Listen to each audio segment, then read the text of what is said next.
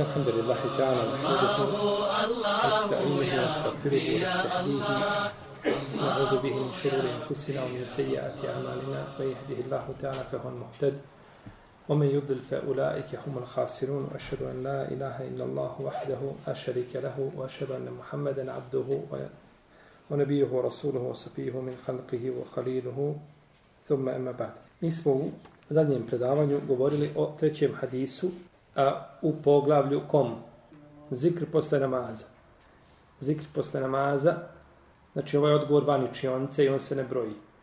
Odgovor je došao izvana, vanredni studenta. Mi trebamo odredovni ovdje. Dobro. Hadis je bio, čiji hadis? Ebu, ili Ebu Horere hadis. Kada su došli muhađiri i pitali poslanika sa osam o zikru, kažu, Allahu poslaniče, naša, kaže braća, ensarije daju na Allahovom putu, kako mi, kaže pa, kažete tako i tako, pa ih je poučio zikru. Pa su došli, ensarije kada su to čuli, počeli raditi, znači isto. Pa se požalili poslaniku, sa osvrame, ponovo, pa je rekao, to je Allahova blagodat daje kome želi. To je ukratko jeli, značenje hadisa, mi smo ga citirali, znači u prošlom našem predavanju, u njegovoj potpunosti, odnosno preveli ga onako kako jeste. I došli smo do riječi i vratili su se muhađiri. Da se vratili muhađiri poslaniku sallallahu Kazali smo da ovaj dio hadisa nije spomenuo imam Buhari u svome sahihu, nego je spomenuo samo muslim. U ome hadisu je poticaj ljudima da se bore i da pitaju o dijelima za koja dobijaju velike nagrade i velike stepene kod stvoritelja te barake od Da su došli i tražili kako da mi dostignemo stepene naše braće. Šta da kažemo? Oni udjeljuju, mi ne udjeljujemo. Kaže, kažete, tako i tako. Pa je rekao na kraju poslanik sallallahu alejhi ve je zalike fadlullahi yutihi men yasha kaže to je Allahova blagodat daje kome želi. Ovo je odlika ljudima koji su spojili između klasični standardni ibadeta, namaza, posta, tako, zekijata, džihada, kao što su spomnjali do je predaje, tako, i čega? Izdvajanje na Allahovom putu. I izdvajanje na Allahovom putu. Pa je rekao poslanik, sallallahu to je Allahova odlika daje kome želi. Ove riječi, to je Allahova odlika, daje kome želi, kome su upućene, na koga se odnose? Na, na bogataše, na ensarije. Jel u redu? Kaže jedan dio uleme, nije, ovo se odnosi na siromahe. Na koga? Na muhađire. Je logično? Molim, pitali su na ensarije, na bogate, ali kako ulema koja kaže se odnosi na, na, na, na, siromašne, na muhađire, kako to tefsire? Kaže ovako, muhađiri su došli i pitali Allahu poslaniče naša braća tako kaže recite to to i to. Pa im je pa su počeli to praktikovati. Kada su čule ensarije i oni su šta počeli? Praktikovati. Dobro. Ensarije su počele praktikovati radi koga i čijeg pitanja? Ko je bio uzrok da se kažu te riječi? Muhađiri. a čovjek koji nekome ukaže na dobro je isto kao onaj koji ga šta? Učini. Oni su na neki način uspostavili taj sunnet svojim pitanjem. Kaže, pa je poslanik, sal sam rekao, to je odlika Allah daje kome želi, to jeste vama, vi ste pitali za to, pa imate dvije nagrade. Pa se odnosi to, kažu, na vas.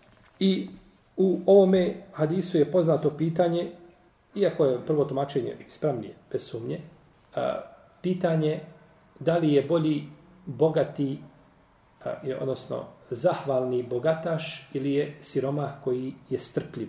Poznato pitanje, doći ćemo do toga. Kaže Sumej, Fahadethu ba'da ehli, pa sam pita, pa sam govorio nekoj moje porodici, ali ovaj hadis, ko je ova porodica od Sumeja, kome je govorio, ko su ti članovi porodice, kaže Ibn Malekka nisam nigdje vidio u rivajetima da se spominje ko je ta osoba. A mi smo jedne prilike spominjali ovaj, šta je odlika ovoga. Nepoznati ashab rekao određenu stvar na, osvoje, na dan osvojenja Mekke. I ne znamo mu ime. Kakva je korist da mu znamo ime? Koristi u tome da znamo jeli, novo ime ashaba s jedne strane i s druge strane da znamo da je kada je primio islam. Primio islam u svakom slučaju kada? Prije na dan oslobođenja Meke ili prije toga? Pa ako prenosi nekakav događaj ranije koji je bio, onda možemo kazati znači da je bio prisutan jel tome događaj. Kaže pa sam se vratio Ebu Salihu i rekao mu, pa je spomenuo jeli, šta je rečeno u hadisu, Pa Ebu Salih rekao, kaže, kazat ćeš subhanallah, alhamdulillah i Allahu ekber, dok ne bude od svega toga zajednički 33 puta. Pa kako je Ebu Salih razumio? Da treba kazati 11 puta šta? Subhanallah, alhamdulillah, Allah. Po 11 puta to bi bilo koliko? 33 puta. To bilo 30. I tako došlo kod Ivajta, u, kod imama muslima, kaže dok ne bude sve bilo 33 puta. Znači trebalo bi se kazati po 11 puta. Iako spoljašnje značenje ovoga hadisa i većine drugih predaja ukazuju da čovjek treba zikriti posle namaza po 33 puta. Subhanallah, 33 puta. Alhamdulillah i 33 puta. Allahu.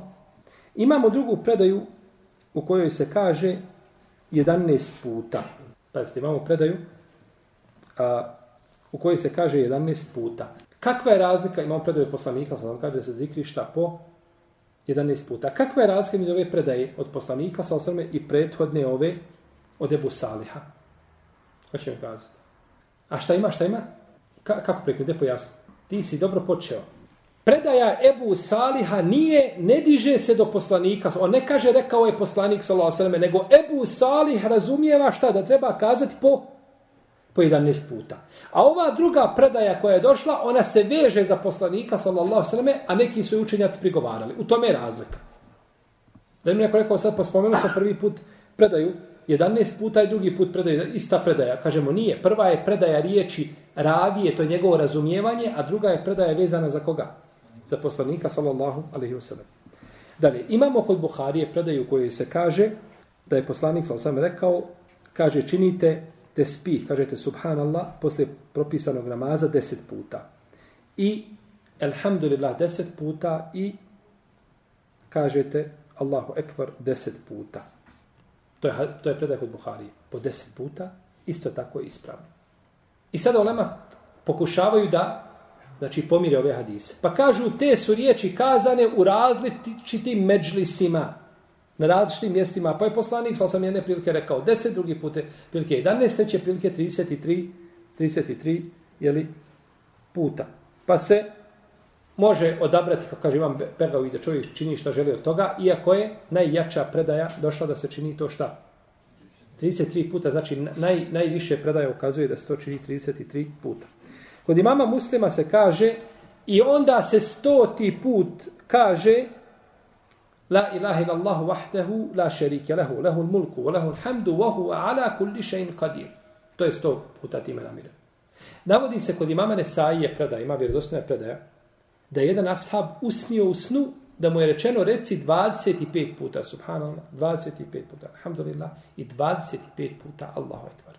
Pa kada je došao rekao to poslaniku, sa kaže neka bude tako. Učinite da bude tako.